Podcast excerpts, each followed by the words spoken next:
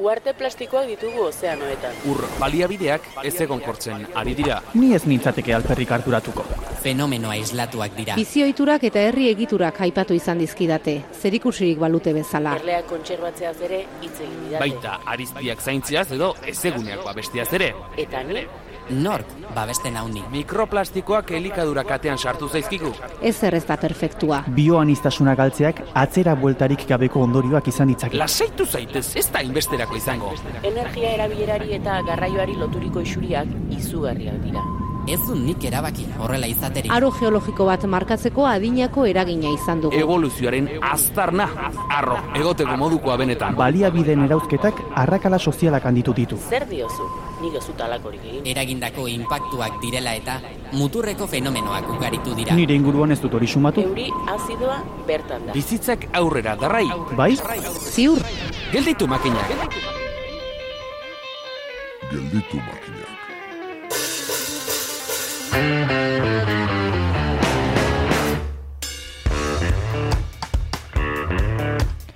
Zuk entzule, agian, izango duzu proiekturen bat abian, sistematikoki onartu den eta barneratu ditugun aberastasun ekonomikoetatik urrutuxiago dagoena. Tira, baduzu, edo pentsatu izan duzu, nekeza da, bakartasuna senti zenezake, eta zama, presioa, ere bai. Tira, bazerro berik, fisika baino, presioa da, azalera da bati dagokion indarraren magnitudea. Beraz, indar berdin baterako, zenbat eta azalera handiagoa, orduan eta presio txikiagoa. Hortik atera daiteken ikasaia da, objektu puntadunekin kontu zibili behar dela, eta presioa kolektiboki taldean, horbeto eraman daitekeela.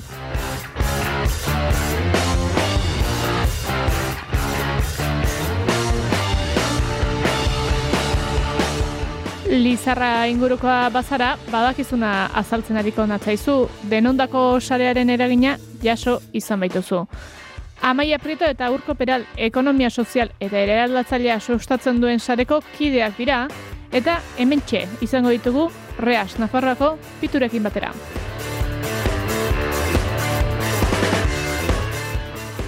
Atzoko emakume baserrotarren eguna ere izpide izango dugu eta zientzia pilula ere etzegu faltako. Hementxe, gelitu makinak saioaren laugarren denboraldiko bosgarren atalean.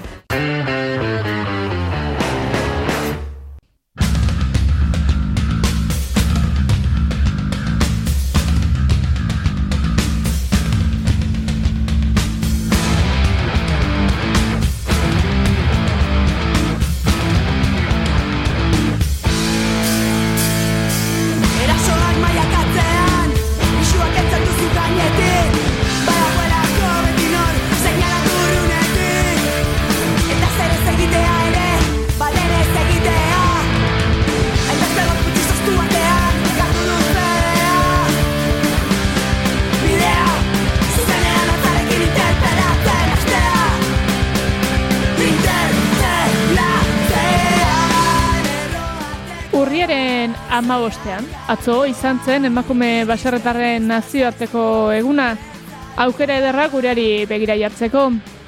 Izan ere, e, Nafarroan, berrogeita zortzi mila emakume bizi dira landa ere muan, Nafarra emakumeen euneko amazazpi komalau. Euskal Autonomi Erkidegoan, irurogeita iru mila, berreun eta amarri inguru bizi dira landa ere muan, landa ere da, datozen hiru baldintza hauetatik bi betetzen diren eremua. Bat, bi mila iztanetik berako herria izatea. Bi, herritar dentsitatea kilometro karratuko eun biztalde baino gutxiagoko izatea.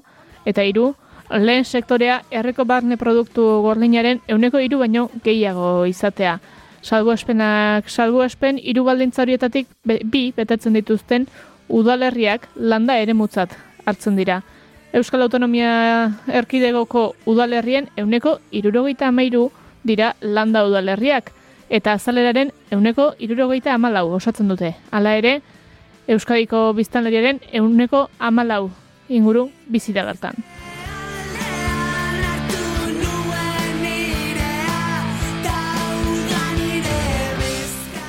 Eta ikasketa aldetik zer, ba, EAen ikasketa maila zenbat eta handiagoa izan, orduan eta handiagoa dela landa inguruko emakumeen eunekoa gizonen eunekoarekin alderatuta. Datuak ikusiko ditugu. Lanbide ikasketa dituzten gizonen euneko goita sortzi eta euneko emakumeen euneko amazazpi dira. Bestalde, unibertsitate ikasketa dituzten gizonen euneko hogeita batekoa da kopurua eta emakumeen euneko hogeita bederatze dituzte unibertsitate ikasketak. Adinaren arabera ikasketarik gabeko edo lehen hezkuntzako ikasketak dituzten emakume gehienak, euneko laro gehi baino gehiago, adin ratio aurreratukoenak dira, alegia, irurogeita bost urtetik gorakoak. Bestetik berrogeita lau urte baino gutxiago dituzten landa inguruko emakumen euneko larogeita maikak gutxienez ikasketa profesionalak egine dituzte, eta ia erdiak unibertsitate ikasketak. Landa ere bizitzea ez da ordea nekazari izatearen sinonimo, gainera, sektoretik sektorera alde handia dago. Euskal Autonomia Erkidegoan landa eremuko emakumeen landunen, beti ere, euneko larogeita sei baino gehiagok zerbitzuen sektorean lan egiten du. Euneko hori antzekoa da hiri inguruko emakumentzat, baina nabarmen murrizten da gizonen artean, naiz eta aukera nagusia izaten jarraitzen duen. Landa eremuko emakume landunen euneko amabik industrian egiten du lan, eta landa eremuko gizonen hogeita emezortzik, euneko hogeita emezortzik egiten du lan industrian. Ere ikuntzan berrik, euneko batek baino ez du lan egiten. Landa eremuko gizonen sektore horretan duten euneko bederatzikotik, ba, urrixema lagola esan daiteke. Lehen sektoreak, nekazaritza, beltzaintza, basogintza eta arrantza hartzen dituen sektoreak, eta online dutako enplegua duten landa inguruko emakumeen, ba, euneko bateko puxkatxoa dute, gizonen kasuan berriz, euneko laukoan. Nafarroako kasuak ere baditugu eta antzerakoa da, baina baditu zenbait alde nabarmen ala esan balin badaiteke emakumeek zerbitzu sektorean duten pixu handiak jarraitzen duen ere, euneko larogeita bi koma bederatzikoa, eta gizonen kasua baino ia euneko gogeita emezortzian diagoa da, gizonek euneko berrogeita zortzia betetzen baitute sektore honetan. Industria sektorean berriz, egoera irauli egiten da gizonezkoen pixua emakumeen kasua alako bi baino gehiago izanik euneko hogeita ama bost eta euneko amalau koma bost urren ez urren. Nekazaritzatik aldiz emakumeen euneko bat koma lau bizi da gizonezkoen euneko 6,6tik urrun.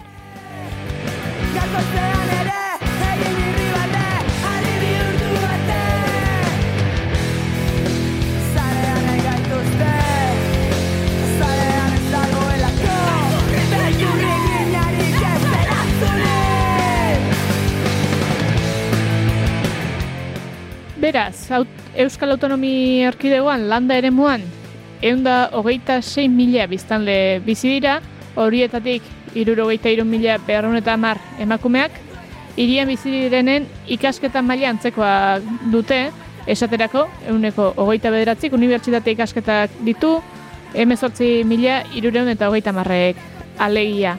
Lanari dagokionez berriz, euneko bat bizi da nekazal eremutik. Zenbatitan, seireun eta hogeita hamar inguru.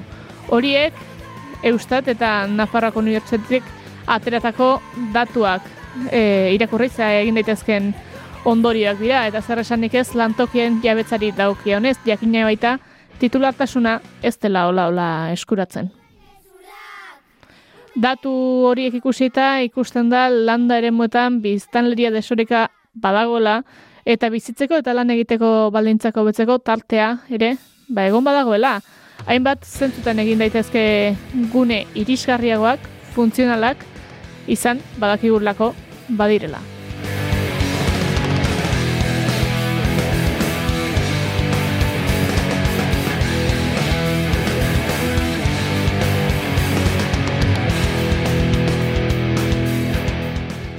Datu sorta honen aurrean zer esango dugu ba, goraintziak eta eskerronak hankak lurrean dituztela bizi diren Andrei eta batez ere kontzientzia ziar dutenei eremu eredu baitzarete agroekologiaren bidean. Zorionak eta segilanean.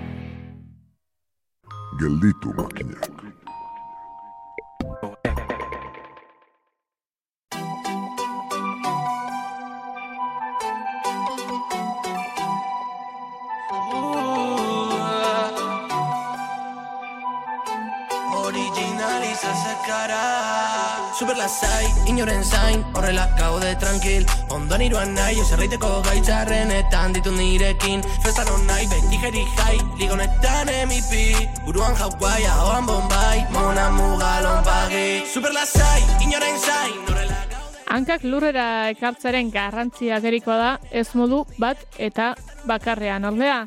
Azken atxa ematen aritzea opa diogun sistemari alternatiba errealak plazaratzen ari dira hainbat ere mutan, eta horietako bat ekonomia da. Oroar, eguneko hainbeste ordu ekonomiari loturiko lanean igarotzen baditugu, eragin esparru interesgarria izan daiteke. Parada ezin hobea, ekonomia monetariari zentralitatea eta helburu nagusi izatea ebasteko. Baina orain lotan Nago egun osoa Zigarro bat ahora Eta kezka kanbora Mamutzako Pac-Man Baita Black Mamba Komunitatea indartzea, herrian lan eta bizi ahal izatea, balore justuagoak garatzea, askotarikoa dira ekonomia sozialak eta eraldatzaileak indartzen dituzten eremuak. Eta egungo paradigmarako oinarri eder bat proposatzen dute. Horietako bat ezagutzeragoaz. begiran orarte lugaren Diru gabe, zer gabe, dena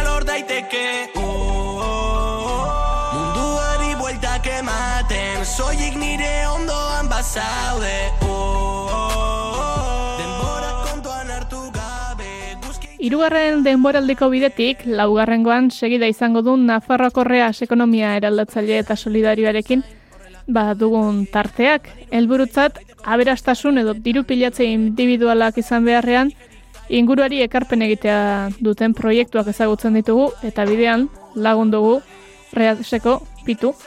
Gaurkoan ere, hementxe, ongi etorri pitu. Opa, eskerrik asko. Zer modu, zer modu zabiltza, ongi uda nahiko lanekin ibiliko zenuen. Eh, bai, bai, bai, udan deskantzarako aukera beti izaten dugu, baina baita ere, bueno, ba, batzuetan eh, lan egitea tokatzen zaigu, eta ba, uda ja pasa da, eta ja zigara ikasturtea fuerte-fuerte. O, guri ongi datorki guztuk lan pixka bat izatea, eh? horrek esan nahi baitu proiektu interesgarriak dabiltzala Nafarroan barrena, eta eta bueno, horrek jakin mina ere pizten digu guri. Bai, eta gaurkoan hor- horietako bat eh, daukagu eskutartean, eh, gainera nahiko, nahiko berezia, zeren be- ez da proiektu bat, baizik eta proiektuen sare bat.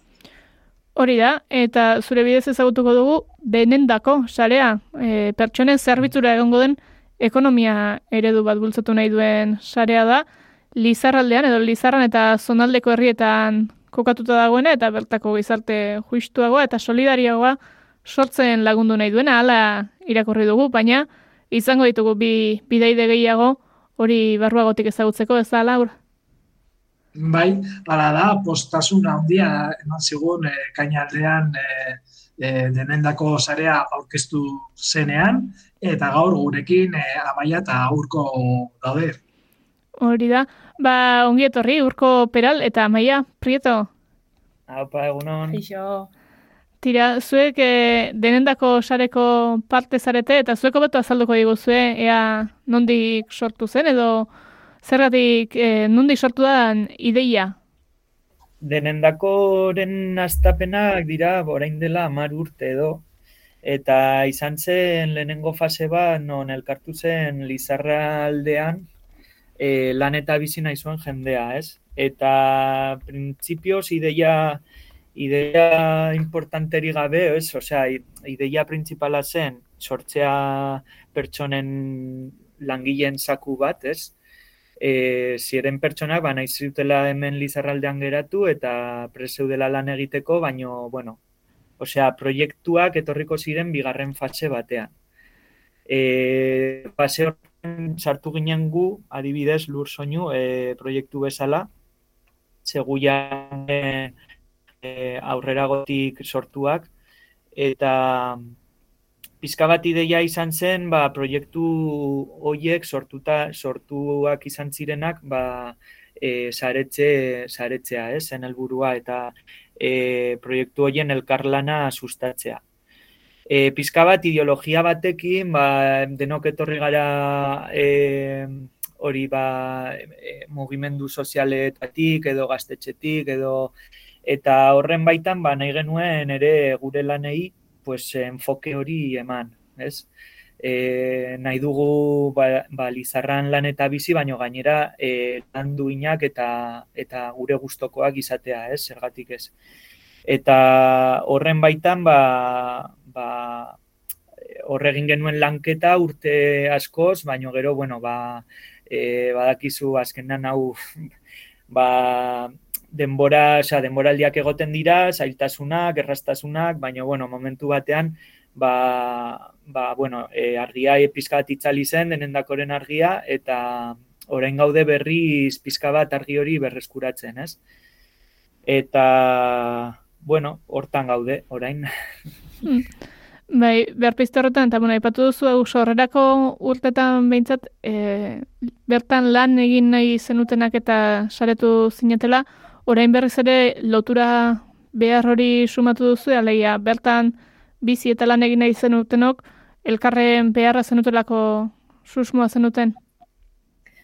Bai, beti izan dugu susmoa gauza da, ba, horrelako proiektu bat ikusten dugu oso potentea dela, e, daukalako ere ideologia asko atzetik eta eta aurrera eramatea ez da erresa. Eta izan dugu laguntza, udalbiltzaren laguntza, e, olatukopen laguntza ere, eta beraiekin elkarlanean ba, ba ikusi dugu lizarraldeak behar duela, ez? Horrelako eredu bat izatea eta eta hortan gaude, a ber, forma ematen diogun. Eta pixka denborarekin ere bai sortu direlako beste proiektu batzuk, ez bakarrik e, lehenengo momentutik sortu zirenak, baizik eta bueno, urtean zehar, pues, e, ba, jende berri etorri da, bai. e, jende gazteagoa ere bai hasi da bere proiektuekin, orduan proiektu berri gehiago sortu dira. Hori da politena, adibidez, e, lehen geunden e, laupa bost proiektu, ez, denendakon, eta orain adibidez, e, aurten egin dugun ekitaldiak, pituk esan duena, ekainean, e, ba, ekitaldi horretarako e, manifestura txikitu ziren hogeita mar bat proiektu. Ba, bai. Bai, aipatu dugu, bueno, zuk zer horrek aipatu duzu urko, bazen utela enpresa bat aurrez e, sortua lur soinuak eta eta maia zuk ere baduzu zure hartokupelak bertziklatzen dituen barrikupel beraz zuek e, sare horretan etzarete koordinaziotik sartu baizik eta erabiltzaile bezala gehiago don zein da zuen papera Pues biak pixka bat, ez? Azkenean, e, zu, oza, zure proiektu propioaren e, egunerokoan pues, e, e, ikusten duzu, oza, izaten duzu kontaktua beste proiektu bat duekin, eta ikusten duzu pues, aretzeko behar hori orduan e, pues, pixka bat e, erri terri, ez? Bai. Bilanak, ez? Bai, orain gaude gainera fase batean hori, ba, baskidetzak eta nola egin behar ditugun gaudela adosten, eta eta bueno, ba, ekipo motorean behar dugu jendea, orduan, bueno, gaude, pues, bizkaldeko guztietan, bai. Hor, talde motoreak e, sarea egin beharra ekipoa ipatu dituzue eta hor reasek ere badaki zerbait horretaz ez dapitu? Bai, bai, nik uste dut e, Lizarraldean denendako sareak e, egin duena oso lan txukuna dela, ez? Eta, bueno, ba, gu, e, iruñetik enbidiaz begiratzen dugu, enbidia sanaz begiratzen dugu, zen e, iruditzen zaigu askotan ez dela erresa e, sare bat e, sortzea, e, zeren azkenean horrek suposatzen du e, beste lan bat, e, lan gehigarri bat, ez, suplemento bat, ez, egunero ditugun lan guzti horietan, pues, gainera saretzearena eta askotan e, saretzeak e, bueno, bagakoa da zertarako, ez? E, horrekin zer lortuko dugu, nola e, horrek e, nola indartuko gaitune, nola indartuko dituen e, ba, gure proiektuak, ez? E, azkenean batzeak, batze horrek izan behar du, ekarri behar du onura bat. eta nire ustez, ba, bueno, haiek, haiek esango dute, ez, e, hor dago gakoa, ez, ongi definitzea zertarako e, egiten den e, horrelako sare bat. Alata guztiz ere, ja, soilik batxe horrek, badu bere, bueno, ba, e, zera, be- bere erronka, ez, e, baina badu ere bere onura, ez, azkenean, islatzen dela hor badagola gauzak egiteko beste modu bat, ez? Ekonomia sozial eta sozi, eh, solidarioa, ekonomia eraldatzaileak eh, bueno, erakusten digu eh, badagola eh, sistematik, sistema kapitalistatik at edo, bueno, edo pixka bat beste balorekin aritzeko eh, aukera badagola, ez? Eta, bueno, alde horretatik, ba, gu reasetik, eh, hore, oso posik eh, gaude horrelako sare ba- batekin. Bai, izan ere lan nekeza bada. Ederrare izango da, jendea, jende oso interesgarria eta jende oso ederra aurkitzen delako bidean, baina bueno, hor lana egin beharra dago. Eta, eta hain zuzen ere, bueno, zuek herrian lan egin eta herrian bizitzeko helburuak dituzue jarrita, baina helburu horiek lortzera bidean ze, ze pauso dituzue edo ze gako dituzue identifikatuta. Ba, justo Lizarraldean da e, ekonomia sozial eta eraldatzailea aldarrikatzen e, dute duen proiektu bakarra esan dezakegu edo sare bakarra, ez? Lizarralderako, eh, diot. E, f- ikusten dugu dagoela lan, lan asko egiteko, ze beti egon gara gure baitan, ez? Gure e, lan txikitxoak egiten, baino azkenan elkartzeak ba, ikusten dugu ematen dituela abantaila pila bat, ez? Eta garrantzitsuena guretzat izango litzake ekonomia sozialaren baitan lan egitea, baino gainera e, eraldatzaile hitza aplikatzea, ez?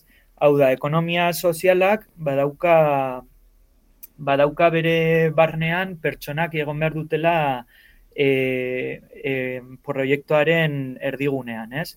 Eta ekonomia garrantzitsua da, baino ez da e, proiektuak daukan balore potenteena, ez? Edo e, hori da ekonomia e, sozialak di, e, babesten duena, eta gu horrekin ados gaude, baino hau erabili nahi dugu ahots propio bat izateko. Eta gure, e, gure nola da, Inguruan. gure ingurua, hori da, gure ingurumena e, ba, ba, hots bat izateko eta eraldatzeko, ez, nola bait. Ba, ez, e, esateko izan dezakegu, pues, e, patronala jarri dezaken produk, e, presioen produktua, osea, produktuen presioa lehen sektorean, edo e, zergatik ez diren lizarran ja egiten larun batero e, feriak e, hori e, merkatuak, edo, osea, e, momentu batean etortzen baldin bada enpresa, e, mega enpresa bat e, jartzera parke eoliko bat, pues zerbait esango dugu, osea, zerbait izango dugu esateko ere. Azkenan nahi dugu hor, e, pues, e, kapitalismoa edo e, sistema neoliberalak ekartzen duen ekonomia modeluari, ba, ba, pizka bat e, konfrontatu, ez? Edo, edo gure ideia e, entzun dadila, ez? Oroar, e, Lizarra eta inguruetan, aipatu duzu aldatu direla pixka, baina ze lan joera daude ba, ze lan sektore jorratzen dira, edo jendeak non egiten du lan? Ba, Iruñan. hori da esaten zigutena, bai. dela urte asko. Nahi duzu enpresa bat sortu ere pagina hori e, interneten e, web orrialdeak egiteko, ba, oberena duzu Alemaniara joatea. Eta, karo, gure erantzuna zen, ostras, non dago Lizarraldeko desarrollo rurala, ez? Edo, bueno, hori esaten zitzaigun instituzioetatik eta eta bueno, pues hor- horren kontra nahi dugu nahi dugu gure gure gure altabosa izan. E, zer zer gertatzen da? Ba, Lizarraldean lehenengo sektoreak dauka garrantzi asko, hirugarrenak ere. Bigarrenak igual ez hainbeste, baino igual da saiago sartzea ere, ze dago dena oso teknologizatua edo dago Osea, e, kapitalaren esku, ez, askotan, eta zailago da, baino gehien bat lehenengo eta hirugarren sektoreak bai ikusten ditugu nola, nola oso influentziagarriak ez, e, gure gure saretik. Begira, Eli, eh, datu esan guratxu bat. Nafarroan, gutxi gora bera, zeireun da berrogeita mar mila biztale gara, ba, bueno, ezagutzen duzue eh, Nafarroko mapa, o, Nafarroa Bai. oso oso nahiko handia da. Eta Iruña herrian, Iruña Iruña herrian, eh, bizi dira, eh, bueno, eh, bai, Iruñan bizi dira gutxi gora bera berreun mila biztale. Gehi, gero, kontutan hartzen baldin badugu, Iruña herrian eh, beste ondoko he- herrietan eta bizi direnak, ba nire ustez iritsiko iaia iritsiko ginateke berreun da berrogeita hamar mila e, biztalera, ez? Hau da, ari naiz pixka bat e, buruz e, hitz egiten. Pertsona guzti horiek, Iruña eta Iruña herrian bizi direnak, bueno, ba, bizitza egiten dute Iruñan, ez? E, han lan egiten dute, eta horiei gehitu behar diegu, ba, beste e, eskualdetan, e, beste eskualdetetik, Iruñara e, lan egitera joaten direnak. Guzti horiek, e, joaten direnak, iaia gehienek, e, joaten dira egunero euren kotxeetan. E, zera, garraio pribatuan, e, garraio publikoa Nafarroan ez dago oso garatua beste eskualdetatik e, Iruñara joateko. E, suposatzen dut, zuek e, amaia eta aurko ezagutzen duzue jende asko, e, joaten dena egunero e, Iruñara lanera, ez? Eta hori, bada ere, ba, bueno, erronka bat, eh, eskualde, ez, eh, zure eskualdean e, bizi eta lan, zeren, bueno, ba, bai, e, hirietan e, horrelako, ba, Lizarran bezalako her- herri eta hirietan e, bizi zaitezke, baina lan egin asko zailagoa da. Eta ezakit, denendako sarean, ezakit e, gutxi gora bera kalkulatu duzuen zenbat jende e, dago zuen proiektuetan e, lanean. Ba ez dugu kalkulatu, baino bai dela ardatz nagusi bat e, denendakorentzako industrializazioak ekarri zuen zentralizazio hori, ez, e, kapitaletan eta horrekin e, apurtzea. Osea, gu nahi dugu balorean jarri e, ba hori, herrietako bizi modua, e, herrietako lan modua eta eta hori justo balorean jartzearen, osea, herrietan lan egitearen bal, balorean jartze horrek, ba, ematen dio denendakori diskurtsoa ere, osea, ze azkenean hori da gure gure ardatzetako bat, ez? Bai, bai. Gutxi gehiago, zuenean denendako sarearen barruan dabiltzanak zertan zabiltzate edo ze, ze lanbide jorratzen dituzue? Ba, a ber, era eta mota e, desberdinetako proiektuak daude. Pila, osea, e, ba hori beste egunean ere bai komentatu genuen gure artean, pues dago e, asesoria bat, dago Mm. lursoinu, nahoni, e, nekazaria daude, daude ere bai zerbitzuak, osea, e, dago denetarik, eta azkenean e, batzen gaituena ez da, ez da egiten dugun lana, baizik eta nola egiten dugun, e, eta, eta nola eramaten dugun aurrera gure lana, eta nola pentsatzen dugun ere bai, ez? Pixka bat, Bai, eta e, proiektu guztiak sortu dira txikitasunetik, e, jakinez lan egin nahi genuela gustatzen zitzaigun, ez? Gu gustoko genuen lanan nahi genuela, e, poliki poliki ba, proiektuak handiagoak egin dira eta e, gauza batzuk aldatu dira, beste batzuk ez, baino beti ere hori zaintza, zaintza hori balorean jarriz, ez? Er, e, pertsonak erdigunean, e, txikitasunetik eta eta Eta hori, jakindare bai. bai, pues Lizarraldean zaudela, eta herri batean e, bazaude jakin bar duzu igual herrian lan egiteko modua ez dela hirian egiten den bezala, eta, bueno, pixka bat, e, kostiente izan behar zara, ba, non zauden eta zer egiten duzu. Zertan aldatzen dira lan egiteko moduak?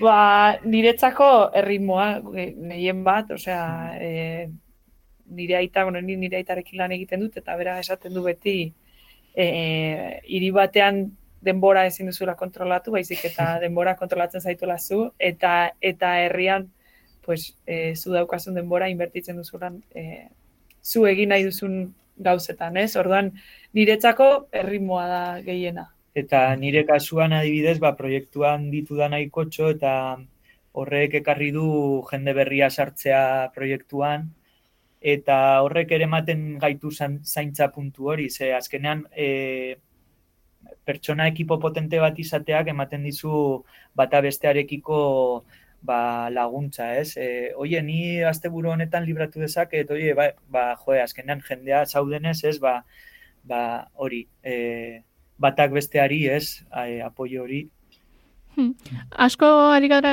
hitz egiten sareaz bertaz eta sareko harremanez, baina kanpoan, saretik kanpora edo Lizarra inguruetan, nola, ez dakit iritsi zaizuen ere, nola jaso den denendakoren berpiste hau edo edo jendeak nola hartu duen? Ba, ikusten dugu, ez? Azkenean pituk esaten duen arreatzi buruz, reasek nola hartu duen denendakoren gainera, bueno, etorri dira e, Lizarrara ere pues, e, gurekin bilerak izatera, gaur bertan izan dugu beste bilera bat, e, ba, sentitzen dugu berotasun asko, bai, bai reasetik, bai olatuko betik ere, etorri zirela prozesua egitera orain dela pare bat urte, eta Eta proiektuen gandik ere bai. eta proiektuen gandik ere lehen baino gehiago zikabe, bai, bai. Pitu zuek ere estrategikotzat ikusten dituzte halako sareak, alegia sare zentral baten azpian gehiago ere aritzeak. Bai, bai, gainera, pentsatzen, nik pertsonalki pentsatzen dut, e, batzu, batzuetan, e, Nafarroan gertatzen zaiguna da, e, ba, Iruñe herriak e, jaten, jaten duela lana, ez? E, ba, bueno, ba, askotan zaila dela pixka bat Iruñetik aratago e, begiratzea, eta inkluso saiatzen zarenean, ba, barreaz bezalako sare bat e, handitzen, eta iruñetik aratago joaten, ez, e, beste eragile batzuekin harremanetan e, sartzea eta bar, e, sartzeko eta bar, e, ba, batzutan zailtasun handiak daude orduan, e, bueno, niri iruditzen zait oso egokia ba, denendako erabili duen eredua, ez? Osea, sarea montatu, baina izatea oso sarea lokala, ez? E, e, bueno, ba, pixka bat, e, haien errealitateari begira, eta, eta bueno, ba, nire ustez oso, ba, guretzako oso lagungarria da, ze gainera, e, denendako e, igual behar zuena zen, e, nolabait, marko teoriko bat e, sentitzen zutena, eta haiek e, ba, ikuste, haie- haie- haien burua ikusten zutena e, adirazteko marko teoriko bat eta bueno, barreasek e, marko teoriko hori e, badu egina, ez? Edo olatukopeek edo ez, ekonomia eraldatzaileak badu marko teoriko hori ja osatua. Orduan, zertarako egin beste lan teoriko bat, ez? Pues hori hartzen har- hartu izan dute, haien burua hortan e, reflejatua ikusi dute, eta ba, ba, bueno, ba, balore horiek eh, nolabait transmititu egin dira, eta gu alde horretik oso posi gaude. Bueno, lorea besterik ez dituzue, eh? Amaia eta urko Bai, kejatzeko bai, bai. moduan izango zarete. Ikusi dugun beste kontuetako bat da, eta e, agian berrikuntzetako bat bezala izan daitekena, bulego bat zabaldu duzuela, Lizarrako autobus geltokian. E, ze, ze esperantza dukazue bulego horrekin edo, ze ekarpen egin ditzake leku fisiko bat edukitzeak? gertutasuna, ez? Azkenean, e, izatea leku fisiko batek ematen dizu ba, gerti, e, jendea gerturatu aldaitekela, kanpora, bai kanpora begira eta baita bar, barnera begira, ze justo orain izan dugu ere bilera bat hemen, eta ematen digu guri espazio fisiko hori ba, izateko gure lanketak, ez? Baina kanpora begira oso garrantzitsua ikusten dugu ze denendako daukan erronka bat da sortu nahi diren proiektuei laguntzea ere edo babesa edo aholkularitza ematea, ez? E, bai beti ere hori ekonomia sozial eraldatzailearen baitan. Baino ba hori, e, gertutasuna proiektu hoiekin, e, aholkularitza, babesa, bai. Eta halako proiekturik sortu nahian dabilenak edo dabiltzanek zuengana jotzeko ze bulegoko atea jotzea besterik ez dute edo ze bide jarraitu behar dute.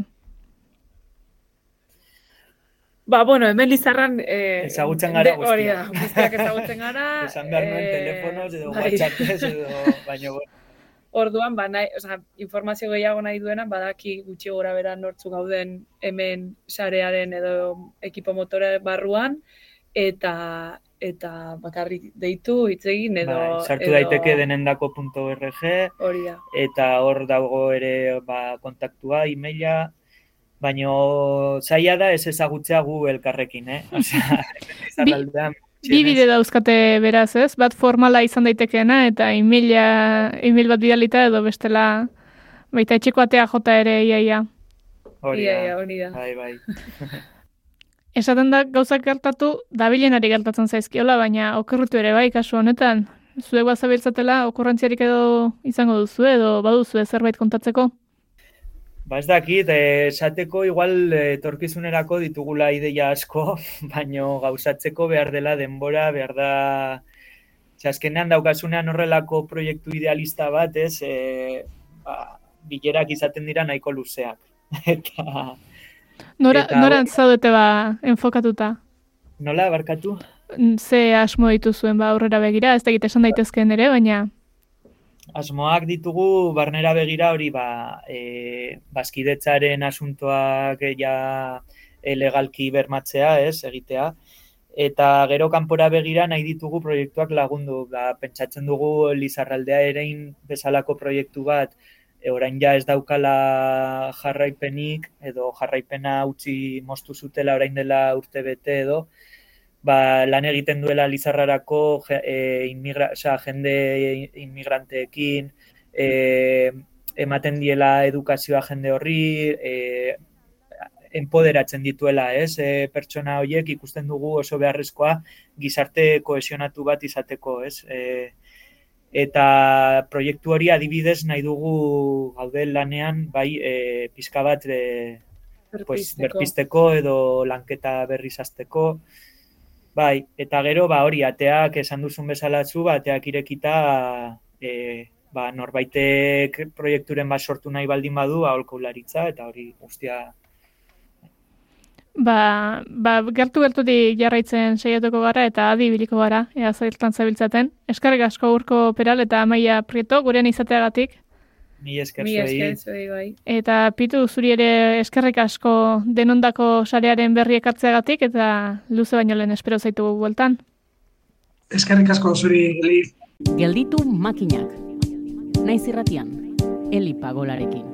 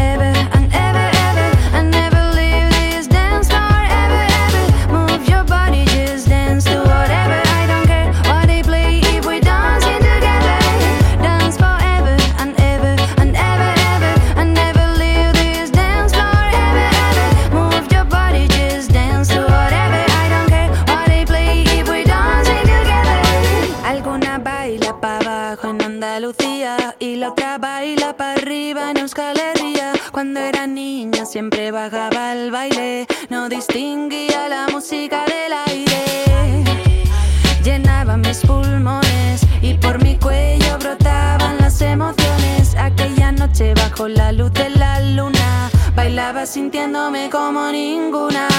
Dance forever and ever and ever ever and never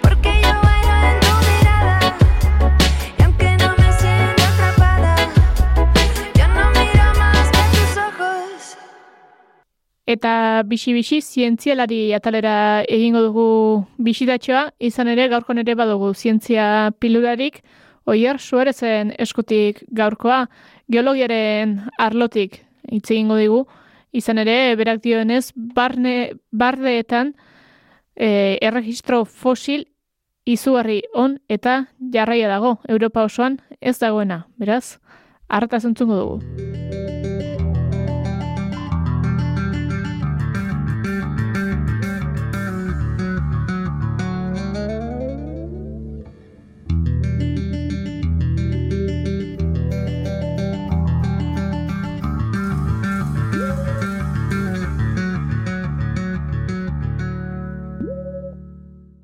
Ikerketa e, geologiaren hainbat esparrutan kokatu daiteke.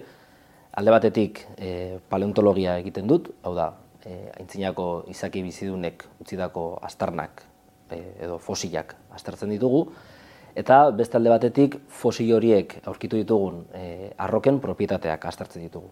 Nire kasuan, e, paleomagnetismoa. Orduan, fosila ardatza hartuta, e, ondoristatzen dugun informazioa lehenengo da arroka ze adinetakoa den, eta behin arroka hori eh, ezagutzen dugunean noiz sortu zen, ze adinetan sortu zen, on, e, fosilen bidez, e, ondoristatzen dugu iraganeko klima nolakoa zen, edo inguruneko e, iraganeko ingurune hori, arroka sortu zen e, ingurune hori nolakoa zen, hau da, paleokologia egiten du. Orduan, e, alde batetik bioestatigrafia e, arrokak datatzea, eta beste alde batetik paleokologia. E, iraganeko klima nolakoa zen e, ondoristatzea. Miozeno garaiko klimak, e, klima aztertzerakoan, galderari garrantzitsuena da e, nolakoa izan zen klima, eta, eta klima horrek nola evoluzionatu zuen denboran zehar. Nire tesian, e, miozeno garaiko arrokak aztertu ditugu, duela hogei eta mabos milioi artekoak zehazki, eta, eta hor aldaketa klimatiko bat gertatu zen eta ikertu dugu, ikusi dugu, itsasoan eta kontinentean e, desfase batekin erregistratzen dela. Orduan, e, galderetako bat da, e, zergatik gertatzen da desfase hori, dobintzat zergatik er, erregistratzen den e, desfase horrekin, eta, eta bigarren galdera da, bueno, e, zer gertatu zen, nola sortu, edo no, zer, zer, izan zen e, aldaketa horren sortzailea, eta nola e, evoluzionatu zuen aldaketa horrek. Eta nondik etorri zen eta norantz jo zuen.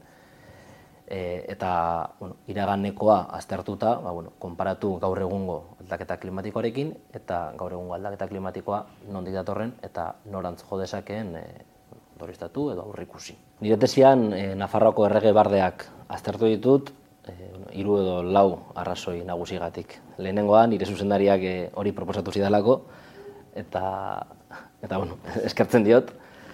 E, bigarrena, bardetan oso landare dia gutxi dago dagoenez, e, arrokak oso erraz ikusten dira, eta guk e, arrokak aztertu nahi ditugu.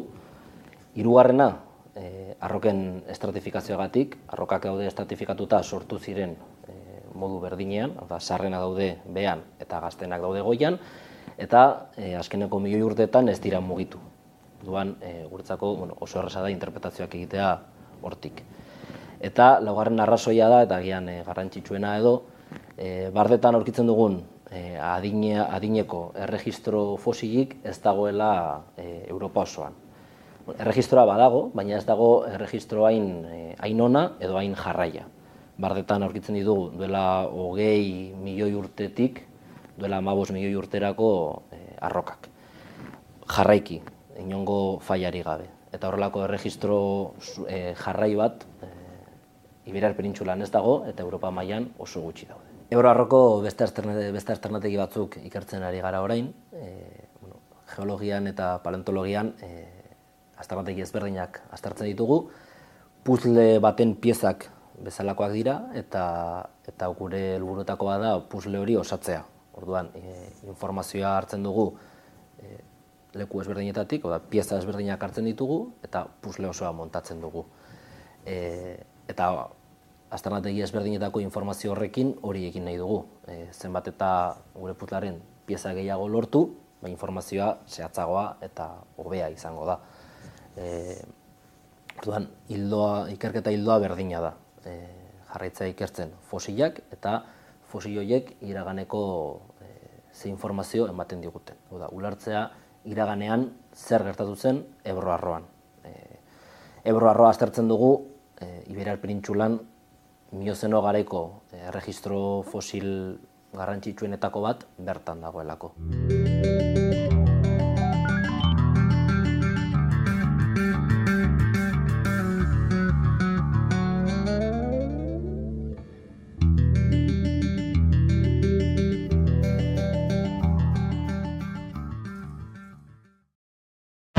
Gelditu makinak, naiz irratian, elipagolarekin.